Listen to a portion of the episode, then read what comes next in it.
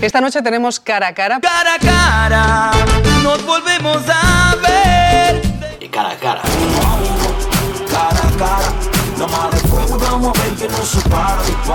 Hola, saludos. Eh, esta semana estamos eh, dedicando nuestros eh, programas a esta iniciativa de Cabos Soltos. Así que, en este cara a cara, vamos a hablar con una mujer que es la portavoz de una plataforma mm, que acaba de, este mismo mes, acaba, acaba de nacer, la plataforma estatal por la, por la música, una plataforma en la que confluyen en objetivos y acciones, músicos, salas de conciertos, discotecas, salas de fiesta, festivales, promotoras, eh, empresarios de management, representantes y también incluso algunas administraciones y entidades públicas. Lo primero de todo, vamos a saludar a nuestra interlocutora que además también va a estar participando en los encuentros de, de Cabo Soltos. Carmen Zapata, muchísimas gracias por hacernos un hueco.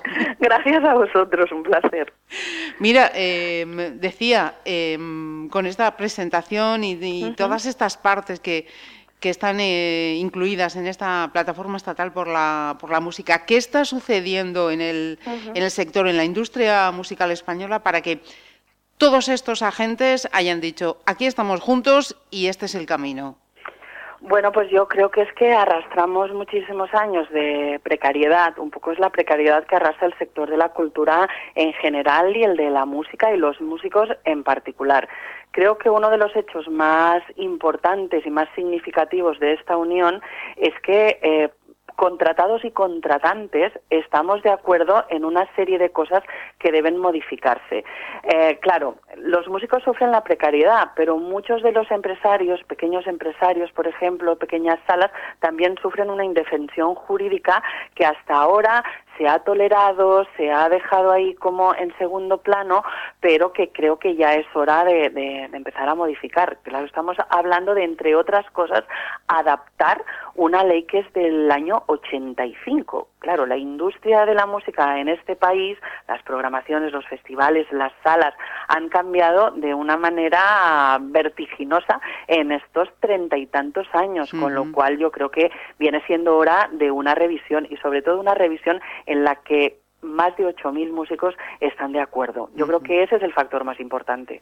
Claro, eh, eh, era lo que mm, tenía yo, yo, yo, aquí ah, anotado. O sea, ya veis que Carmen se sabe la lección, vamos, a, al dedillo. Es que estamos hablando de una normativa de los años 80, o sea, casi nada. ¿Esto es excepcional en, en el contexto europeo, Carmen? Hombre, sí, un poco sí, sí que lo es, porque hay otros países donde, donde, por ejemplo, hay asimilaciones al alta de los trabajadores de la cultura. Eso quiere decir que no solo cuando tú estás actuando y estás mostrando tu obra, sino cuando estás componiendo, cuando estás en el local de ensayo, tienes una cobertura que, que te da seguridad para, para tu trabajo posterior y para el momento en el que llega el show propiamente dicho, los desplazamientos.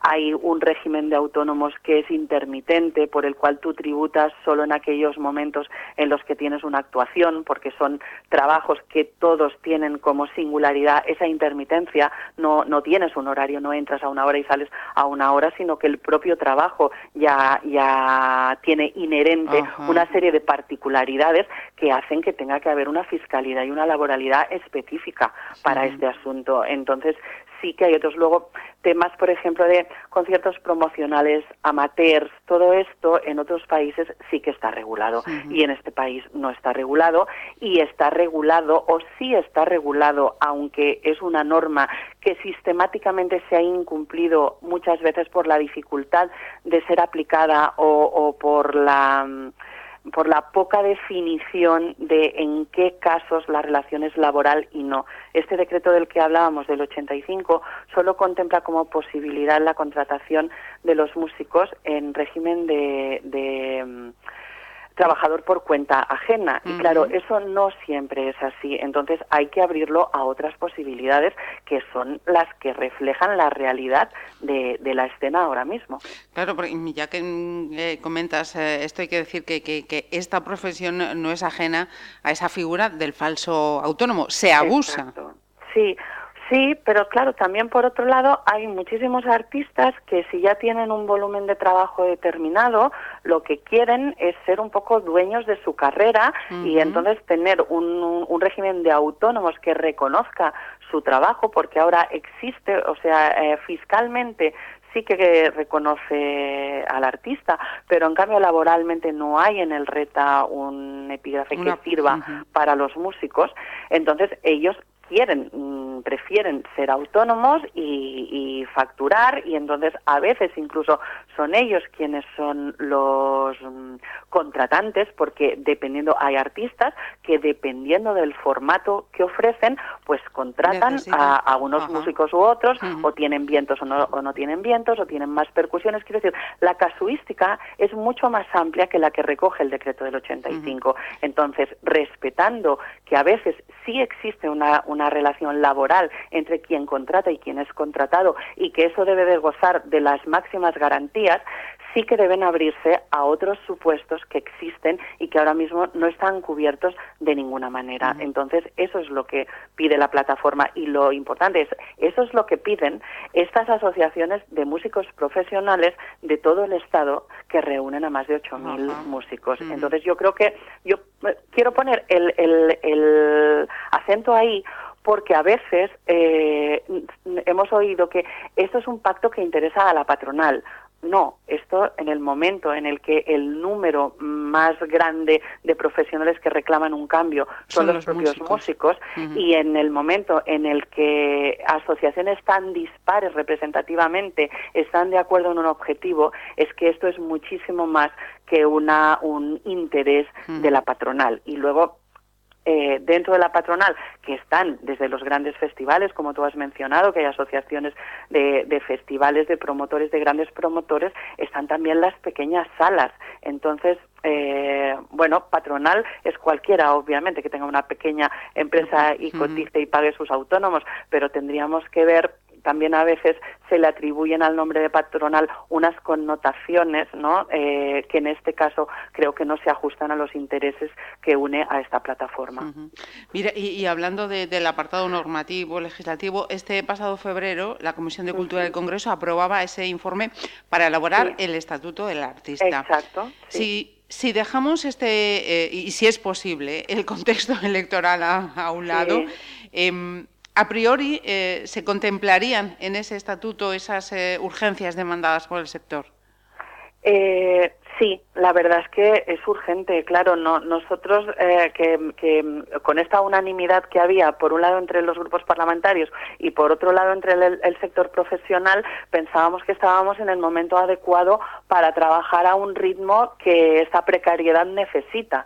Eh, el adelanto electoral realmente nos, nos, nos ha hecho no mm, pensar en que ojalá todos los grupos se tomen eh, como propio este objetivo más allá de un interés eh, electoralista. Eh, yo, bueno, el hecho de que esté aprobado mayoritariamente por todos los grupos a mí me hace pensar que más tarde o más temprano cualquiera que esté en el gobierno, cualquier grupo parlamentario, coalición o lo que sea, debe abordar este asunto y debe mantener el compromiso que ha adquirido al aprobarlo de manera mayoritaria. Entonces, mm, no, no creo que sea electoralista porque ya venimos de antes, o sea, porque hace mucho tiempo que estamos trabajando en esto y porque en concreto todos los que están, los que somos miembros de esta plataforma, unos se han unido más tarde y otros y otros llevamos más tiempo, pero sobre todo el, el grupo de, de, músicos y salas llevamos muchísimo tiempo trabajando en esto. Y hace mm, casi dos años ahora, con lo cual ahí no hay posible electoralismo o, al menos nosotros vamos a exigir que no lo haya en un tema tan serio como este, ¿no? Eh, dos años trabajando, nos quedamos con, con ese, con ese dato. Eh, Carmen, ¿la opinión pública em, también es conocedora de, esta situación que nos estás explicando o, está confundida sobre la situación del músico profesional? Sí, no, yo creo que no, que no, que no es consciente y además se han publicado algunos algunos artículos que, que yo creo que no recogen la pluralidad de la opinión de los músicos profesionales. Eh, creo que hay muchas casuísticas que es difícil que, que llegue al público eh, todas las particularidades a las que se enfrentan, pues eso, sobre todo eh, algunos músicos que empiezan, por ejemplo, a algunas salas que son el tejido donde todo empieza, que hay una diferencia abismal entre un concierto en una sala pequeña en determinadas localidades donde empieza a tocar un grupo emergente y las grandes contrataciones en un festival, aunque ahora mismo eh, lo que lo regule sea el mismo decreto. Entonces, eso, o sea, entre este, este primer paso que yo te he definido y el último, hay una serie de casuísticas y de escalas en la carrera de un artista que deben ser contempladas, recogidas y protegidas por una ley adecuada.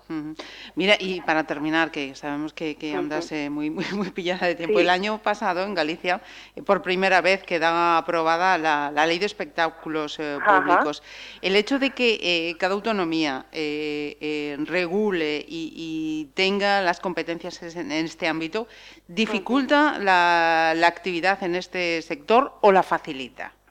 Hombre, yo creo que la dificulta, porque claro, por ejemplo, en Cataluña hace 11 años que los menores acompañados pueden ir a conciertos. Yo creo que la educación es básica, porque en todo esto que hemos hablado antes hay un factor que es imprescindible para que no haya precariedad y es que tengamos público.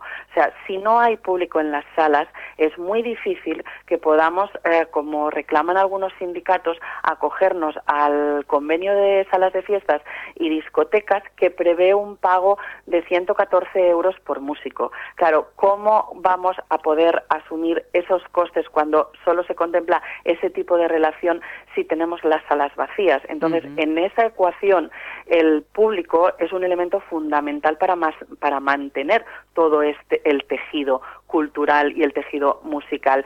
Y si los niños y los jóvenes no pueden asistir a, conciertos en función de en qué comunidad están residiendo, hombre, eso es un problema añadido. Yo mm. creo que igual que los niños pueden ir al teatro o pueden ir a un auditorio, eh, deben poder ir a las salas. Otra cosa es que una vez que acabe el concierto, esas familias con sus hijos obviamente deban abandonar el local si luego hay una sesión de, de DJs o alguna actividad a unas horas que no son compatibles con, con, los niños, con, con su salud y con auditiva, etcétera, ¿no? Entonces, y, además, más ahora que no se fuma en las salas, porque hace unos años podían argumentar que, claro, en un lugar donde se fuma, que haya niños menores o, eh, chicos menores de edad, bueno, pues, pues eh, se contradice contra las leyes de protección al menor. Pero ahora mismo, la verdad es que no tiene el más mínimo sentido que haya comunidades donde no puedan entrar los menores. Entonces, al menos en ese aspecto, yo creo que sí que se deberían unificar criterios para, para poder tener un libre acceso a la cultura, que es un derecho fundamental, es un derecho que recoge la ONU y que recoge nuestra Constitución. Y yo creo que como derecho fundamental debería unificarse y, aplicarse en todas las comunidades.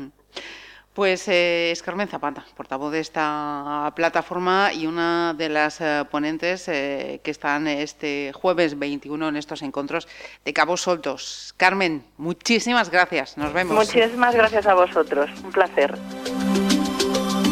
Amigos, ¿cómo están? Bienvenidos. Estamos en el cara a cara. La conversación, la confesión, usted sabe.